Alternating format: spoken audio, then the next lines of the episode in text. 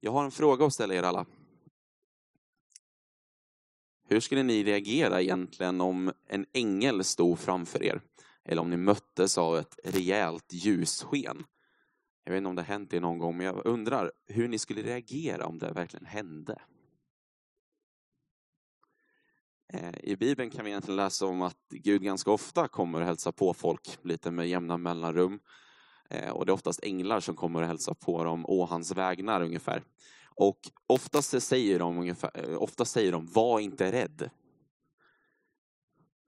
Man blir troligen ganska förskräckt och rädd när man möter det ljuset som Gud kommer med. Också Maria blir ganska förskräckt och lite fundersam när ängeln Gabriel kommer och hälsar på Maria. Det kan vi läsa om i Lukas evangeliets första kapitel, verserna 28 till och med 32. Kommer upp på skärmen förhoppningsvis. Jag läser. Ängeln kom till henne och sa, var hälsad du högt benådade. Herren är med dig. Hon blev förskräckt över hans ord och undrade vad denna hälsning skulle betyda. Då sa ängeln till henne, var inte rädd. Du har funnit nåd hos Gud.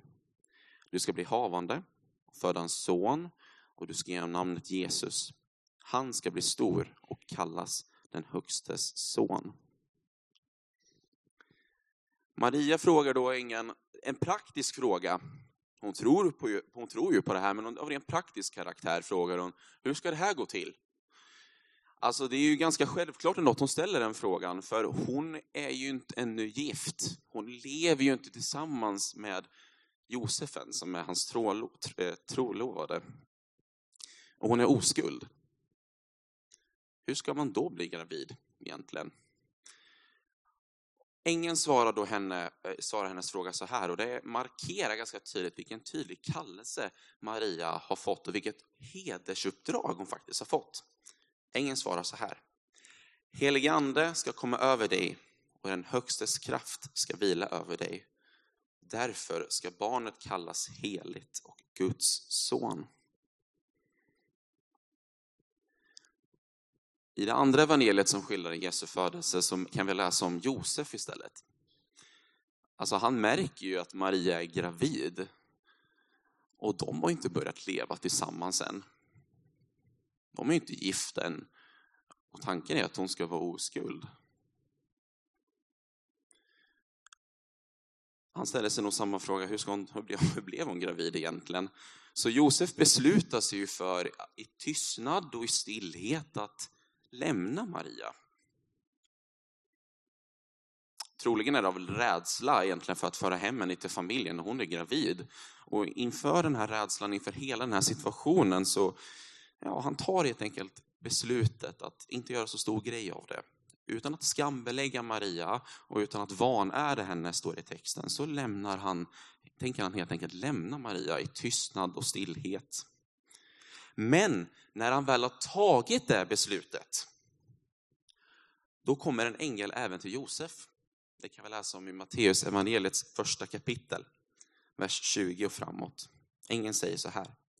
Josef, Davids son, var inte rädd för att föra hem Maria som hustru, ty barnet i henne har blivit till genom helig ande. Hon ska föda en son, och du ska ge honom namnet Jesus, ty han ska frälsa sitt folk från deras synder. Allt detta skedde för att det som Herren hade sagt genom profeten skulle uppfyllas. Jungfrun ska bli havande och föda en son, och man ska ge honom namnet Immanuel. Det betyder Gud med oss. När Josef vaknade gjorde han som Herrens ängel hade befallt honom och förde hem sin trolovade. Det ängeln gör för att övertyga Josef att stanna kvar är egentligen att tala rakt in i hans livssituation. Josef, som är en from, troende jude, får till sig alltså att Messias ska komma och det är den sonen som Maria bär på. Fair enough. Men för att verkligen begripa att det verkligen är sant så refererar ju även ängeln till Jesaja kapitel 7. Att tecknet för att Messias ska komma, det är genom att en jungfru, det vill säga en oskuld, som Maria faktiskt är, ska bli havande. Och det är hon ju. Det märker ju Josef. Det talar rakt in i den här livssituationen som han befinner sig i. Och hans gensvar är ganska talande helt plötsligt. Han gjorde som Herrens ängel hade befallt och förde hem sin trolovade. Beslutet ändrades när ängeln kom. Och som Marias gensvar på Guds planer egentligen som ängeln framförde är också väldigt, väldigt tydligt. Hon säger så här i Lukas 1.38 att, att jag är Herrens tjänarinna. Må det ske med mig som du har sagt.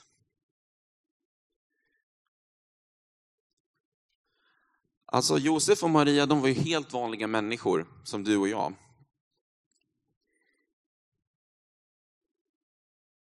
Deras son däremot skulle inte liksom vara vem som helst, eller hur? På mitt jobb, ja inte i kyrkan då, men där jag extra knäcker så finns det en kollega till mig som väntar barn med sin partner. Han vittnar om eh, föräldrakurser, barnvagnar, lite läkarundersökningar för att se att barnet kanske inte är muterat, vem vet? Alltså, man skulle kunna säga att Maria och Josefs situation inte var så här vardaglig, utan deras, där och då så präglades deras situation av någonting helt annat. Det var inte så här glada föräldrakurser med tio andra föräldrar eller läkarundersökningar med en glad läkare som säger att ditt barn är friskt eller ja, en barnvagn som de köpte på vad man nu köper barnvagnar på för si och så många tusen. Alltså de hade en väldigt ansträngd situation minst sagt. När Maria är gravid så utfärdar ju kejsar Augustus en order om att ja, hela världen skulle skatteskriva sig, ja men typ romarriket. Så de måste ju resa gravid till platsen där de kommer ifrån. Och när man reser så behöver man ju en plats att bo, eller hur? Men de hittar ju ingen plats att bo på. Alla ställen är ju upptagna. Och höggravid som hon är så måste hon komma till en plats som är ganska olämplig för en förlossning. Troligen så är det ganska, mycket, är det ganska smutsigt. Troligen så är det kyligt. Och, och inte nog med det så finns det nog ett och annat djur där också. Ganska långt ifrån vardagen för min, eh, för min kollegas eh, barn. Eh, ganska olik situationen tror jag för min kollega som troligtvis kommer hamna på BB där det är rent och fint. Inte nog med det. När de väl hade fött det här barnet, kan vi läsa om i Matteus evangeliet dessutom, så säger kung Herodes att han ska försöka döda den här Jesus. Så han, de måste ju fly landet. Och de hamnar i Egypten, säger Matteus evangeliet.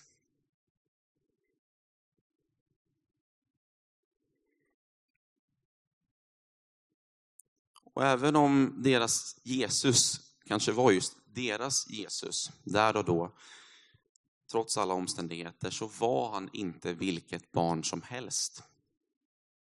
Det kan vi märka på reaktionen om inte annat när han föds. I andra kapitlet i Matteusevangeliet kan vi läsa om att det är österländska stjärntydare.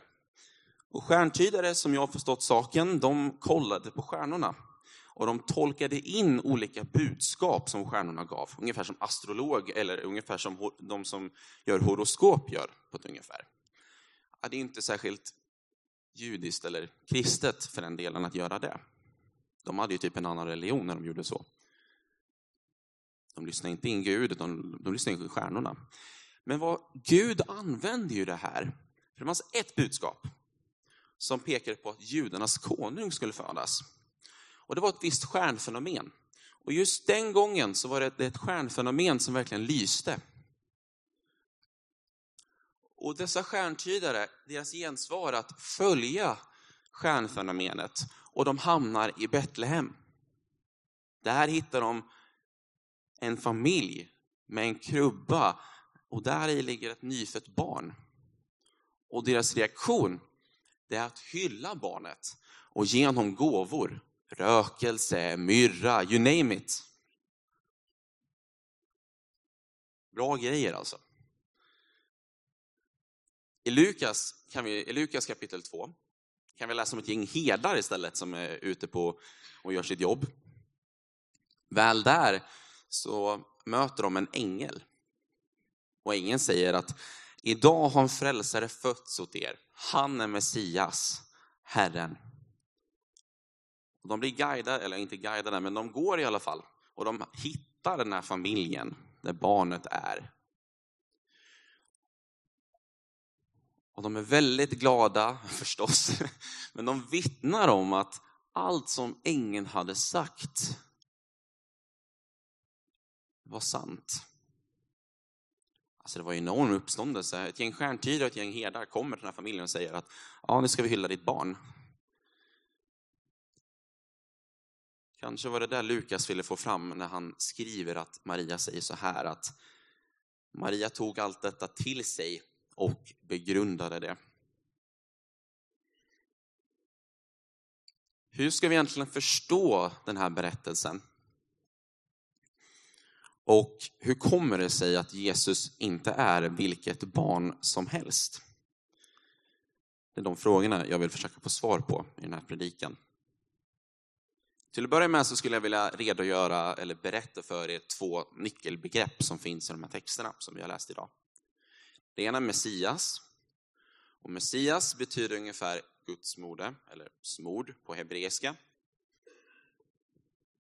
Det ordet syftar oftast på kungligheter och gestaltas ofta med ord som seger, lycka och evig fred.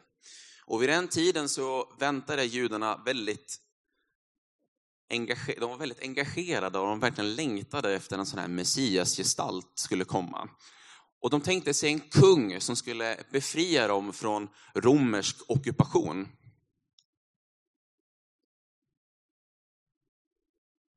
Men Guds bönesvar blev ju inte riktigt som de hade tänkt.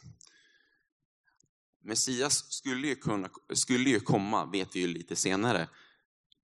Han skulle komma att befria hela mänskligheten. Guds son är ett annat nyckelbegrepp. Det är någon, kort förklarat, vi kan hålla på ett bra tag, men kort förklarat är det någon som är nära förbunden, har en nära relation med Gud. I Gamla Testamentet kan vi se att Israel är på något sätt Guds son. De, är ju nära, de tankarna på att de skulle ha en nära relation med Gud. Och kungarna skulle också vara liksom så länken, liksom, ha en nära relation. Men så här, om nu Jesus framställs som Guds son, ja, men då innebär det ju liksom, då kan vi göra en slutledning här, en, en slutsats, att han måste ha någon form av relation till Gud, eller hur? Kommer ni ihåg definitionen? Hur ser denna relation ut mellan Jesus och Gud? Den ska vi utforska nu lite grann. Och nu kommer min favoritdel. Jag har lite roliga frågor som jag ska försöka svara på. Jag ska vara jättetydlig. Hoppas att ni hänger med på noterna här, för nu går det undan.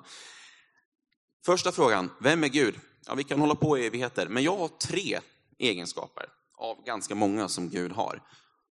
Eh, till att börja med, allsmäktig.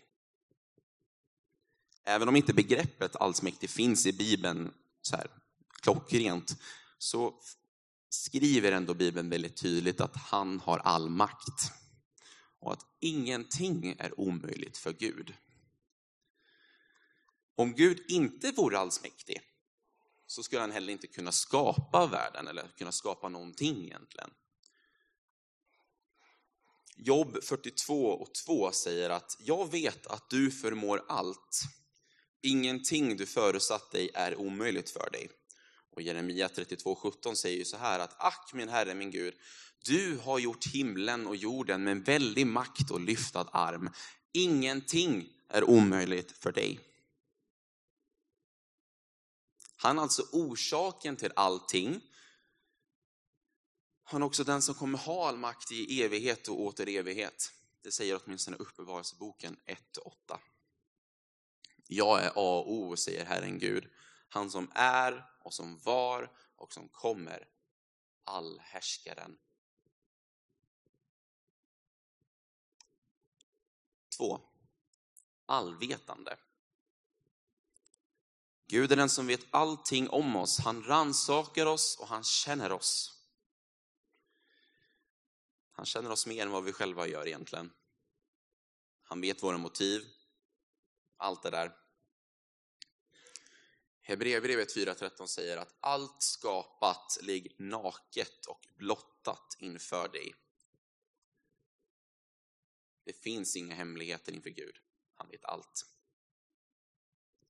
Överallt närvarande. 3. Det finns ingen plats där Gud inte fyller allting med sin närvaro. Jeremia 23, 23, 24 säger, är jag bara Gud på nära håll, säger Herren, och inte Gud långt borta, att jag inte ser honom. Eller vänta, så här. Kan någon gömma sig så väl att jag inte ser honom, säger Herren. Uppfyller inte jag både himmel och jord, säger Herren. Gud alltså allsmäktig, allvetande, överallt närvarande. Det var första frågan. Fråga nummer två. Vad är människan? Igen kan vi hålla på i evigheter och försöka besvara, bena ut den frågan. Jag har fem punkter. 1. Människan är dödlig. Kanske inte kommer som en överraskning för er, men alla här inne har någon gång fötts och någon gång kommer att dö. Vi kan inte undvika döden. Det är så typiskt mänskligt. Ingen här undviker den. Två. Hon kan känna något. Vare sig det är empati, medlidande eller omsorg. Det kan också vara smärta, lidande, ångest. Eller varför inte omtanke, glädje eller lycka. Alltså när allting kommer, om, när allting kommer omkring så kanske väl ändå det som ändå kännetecknar oss mest. Som bara människor alltså. Vad vi känner och vad vi går igenom, vare sig det är lycka och så vidare, definierar nog mycket av hur vi egentligen mår. 3. Hon har behov. Jag känner redan nu att jag har stort behov av eh, kaffe. Eh, det kan mina kollegor vittna om ganska tydligt. Men om vi ser det rent alla människor, alla människor kommer någon gång ha behov av mat och vatten. Ingen människa här inne överlever utan så fundamentala saker som mat och vatten. Hon har alltså ett behov av det.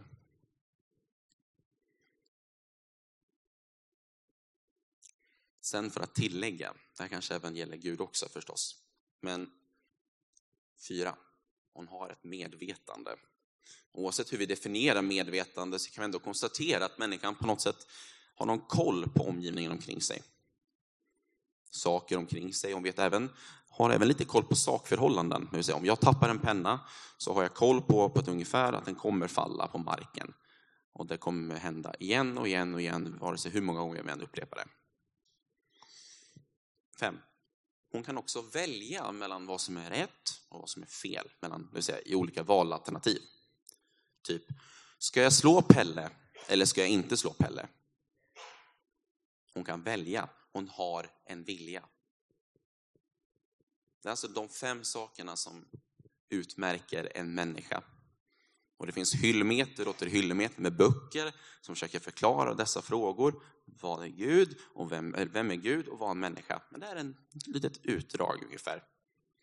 Då kommer den tredje frågan. Vem är då Jesus? Kommer ni ihåg vad som kännetecknade Gud? Jag kan upprepa för er. Gud är alltså allsmäktig, allvetande, överallt närvarande. Paulus skriver så här i Kolosserbrevet 1.16. Han är den osynlige Gudens avbild, den förstfödde i hela skapelsen. Ty i honom skapades allt. I himlen och på jorden, synligt, osynligt, troner och eh, herravälden, härskare och makter, allt är skapat genom honom och till honom. Han finns före allting och allting hålls samman i honom. Paulus skriver här egentligen att, Gud är ors eller att Jesus är orsaken till allt skapat. Själva skapelsen skedde ju genom honom och det var till honom allt var skapat. Man skulle, man skulle därför kunna säga att enligt Paulus så är därför Jesus gudomlig. Indirekt så framställer ju han Jesus som allsmäktig. Varför? Jo, eftersom att han har makt att skapa. Paulus noterar också att, Gud, eller att Jesus alltid har funnits och att han, all, han upprätthåller allting. Han fanns före allting, skriver Paulus. Den här uppfattningen delar Johannes. Det kan vi läsa om i hans evangel eh, Johannes evangeliet 1, 1-3, där det står att i begynnelsen fanns ordet, och ordet fanns hos Gud, och ordet var Gud. Det fanns i begynnelsen hos Gud, allt blev till genom det, och utan det blev ingenting till av allt som finns till. Ordet betyder logos på grekiska. Det översätts ungefär som förnuft eller tanke. Johannes säger alltså att det här är alltså Gud, ordet är Gud. Och han fanns till, eller han har alltid funnits, sen i begynnelsen och så vidare. Men det här ordet blev människa, står det i vers 14, och bodde mitt ibland oss. Den här människan är då Jesus. Och Johannes säger i princip att Jesus är Gud. För ordet som var Gud blev ju människa, eller hur?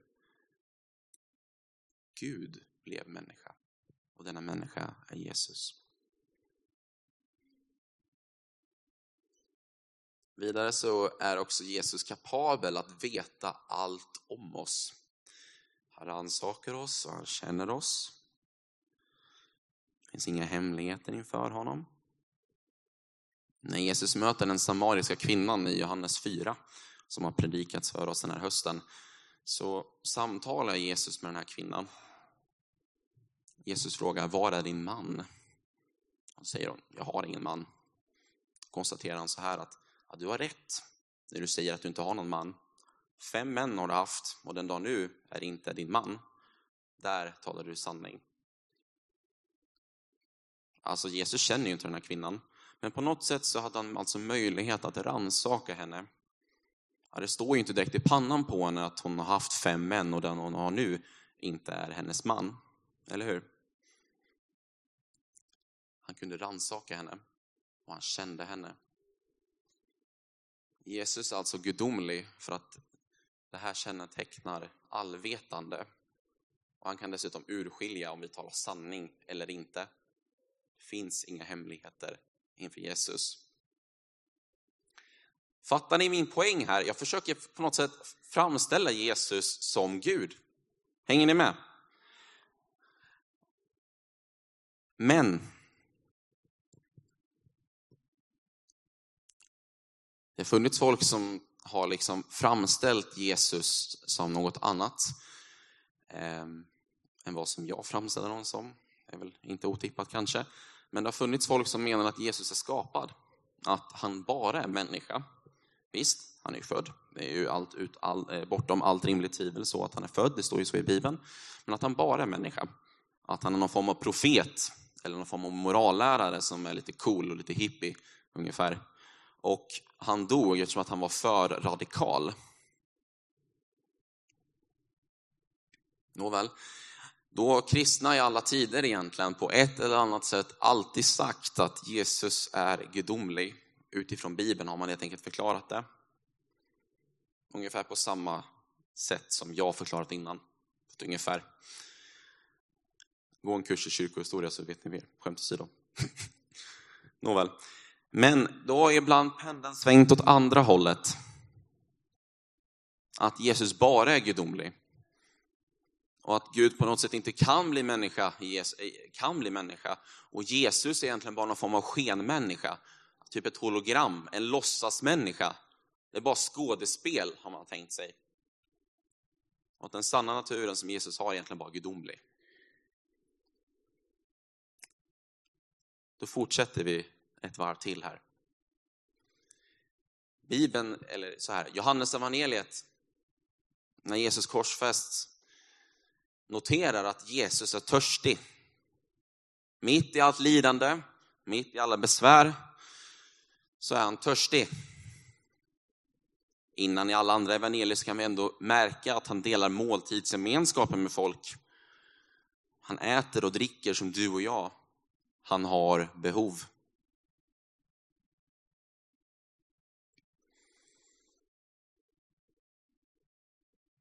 I ett semane, det vill säga typ bara några dagar innan han skulle dömas och korsfästas, så säger Bibeln att han kände genuin ångest.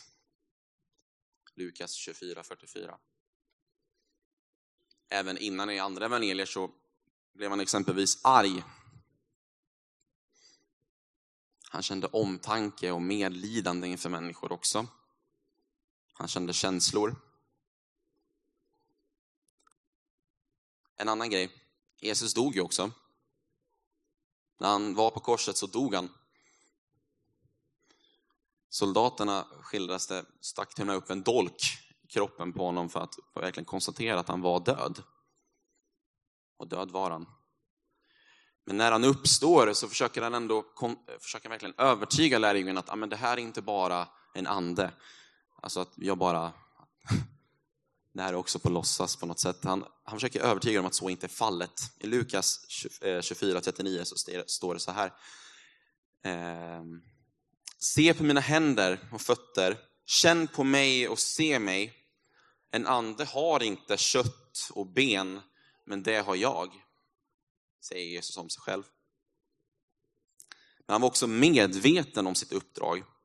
I evangelierna så säger han att han är typ Guds son, att han är Messias, om än lite kryptiskt, att han är människosonen och så vidare. Han är väl medveten om vem han själv är och hur saker och ting förhåller sig.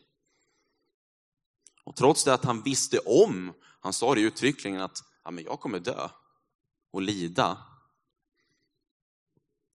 så valde han ju att fullfölja uppdraget, eller hur?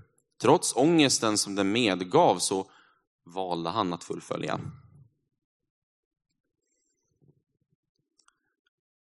Så nu har vi alltså svarat på, dessa tre, eh, på de här tre frågorna. Och jag tycker att vi med säkerhet och med ganska stor stort förtroende kan säga att vi kan konstatera utifrån Bibeln att ja, men Jesus är både Gud och människa. Och att dessa två på något sätt samverkar i personen Jesus Kristus. Så hur ska vi förstå de här texterna vi läste i början då? Den frågan har jag fortfarande lämnat obesvarad. Jo, så här kan vi svara. Så här kan vi förstå den. Att när Jesus föddes så var det helt enkelt ögonblicket då Gud blev människa. Och när de österländska stjärntydarna, kommer ni ihåg dem? Hyllade Jesus, för att de helt enkelt följde ett stjärntecken, så hyllade de ju även Gud själv. Den guden som de inte trodde på. Och samma sak gäller även herdarna, eller hur? Alltså det uppfyllda löftet som de fick gjorde de ju ivriga att hylla Gud.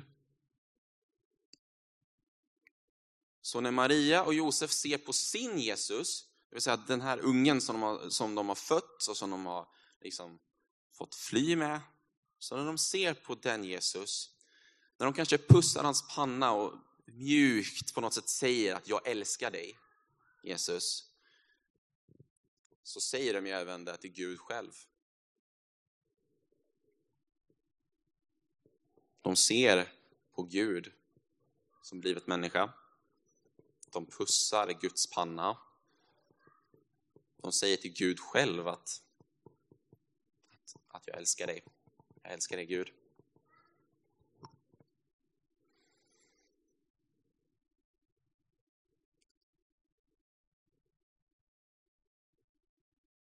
Vi kan alltså säga, alltså, Jesus skulle ju vara Messias. Han skulle ju faktiskt befria alla människor. Och vi kan därför säga att det var Gud i mänsklig gestalt som befriade alla människor så som han faktiskt har lovat oss det. Alltså det är det här vad julen handlar om egentligen. Hörni. Alltså, julens budskap är ju per definition goda nyheter. Och faktum är att det är en inbjudan också som du kan få här och nu. Alltså Gud blev ju människa för den här världens skull. Han blev sårbar som ett barn, liten som ett barn. Han har genomgått allting som egentligen kännetecknar en människa. Så att Gud egentligen kunde ge hela världen frälsning från det som tynger dem. Gud gjorde det för hela världens skull, men han gjorde det också för din skull. Alla er som sitter här inne, var och en har han gjort det för. Gud har på något sätt gjort sig till känna i Jesus. Han, är, han blev synlig. Han kunde ta på honom. Han hade en kropp som du och jag. Han hade behov, vilja, medvetande med mera. Gud har gjort sig till känna för oss. Så nu är det som så att i slutändan så hamnar ändå beslutet på dig. Vill du ta emot Jesus som Herre och Frälsare i ditt liv? Det är den frågan jag har. Så är det som så här inne som inte tidigare har tagit emot Jesus eller känner att amen, jag behöver ta emot honom på nytt eller att jag vill lära känna honom på nytt, få en fördjupad relation med Jesus så är du varmt välkommen bort till korset här så ska vi be för dig. Vi vill, vi vill att du säger ja till den erbjudan och det är ett helt fritt val. Goda nyheter som du kan ge gensvar på. Vill du som Maria och Josef lägga ner sina liv inför Gud så är du varmt välkommen till att göra det.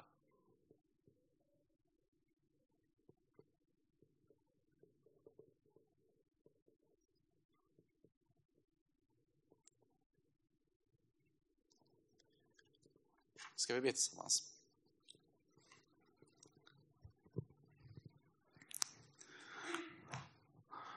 Tack Jesus för att du har blivit människa. För att du som Gud, som, hade Guds, som ägde Guds jämlik, att du var jämlik med Gud, att du var Gud.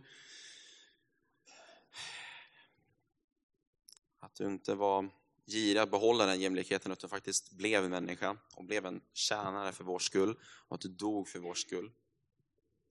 Tack att vi får fira detta ögonblick om några dagar. Nu ber vi Herre för alla de människor som faktiskt fortfarande inte tagit ett beslut du är, det ska knacka på deras hjärtan att de får ett gensvar. Och att vi som församling, Herre, får lära känna dig ännu, ännu mer.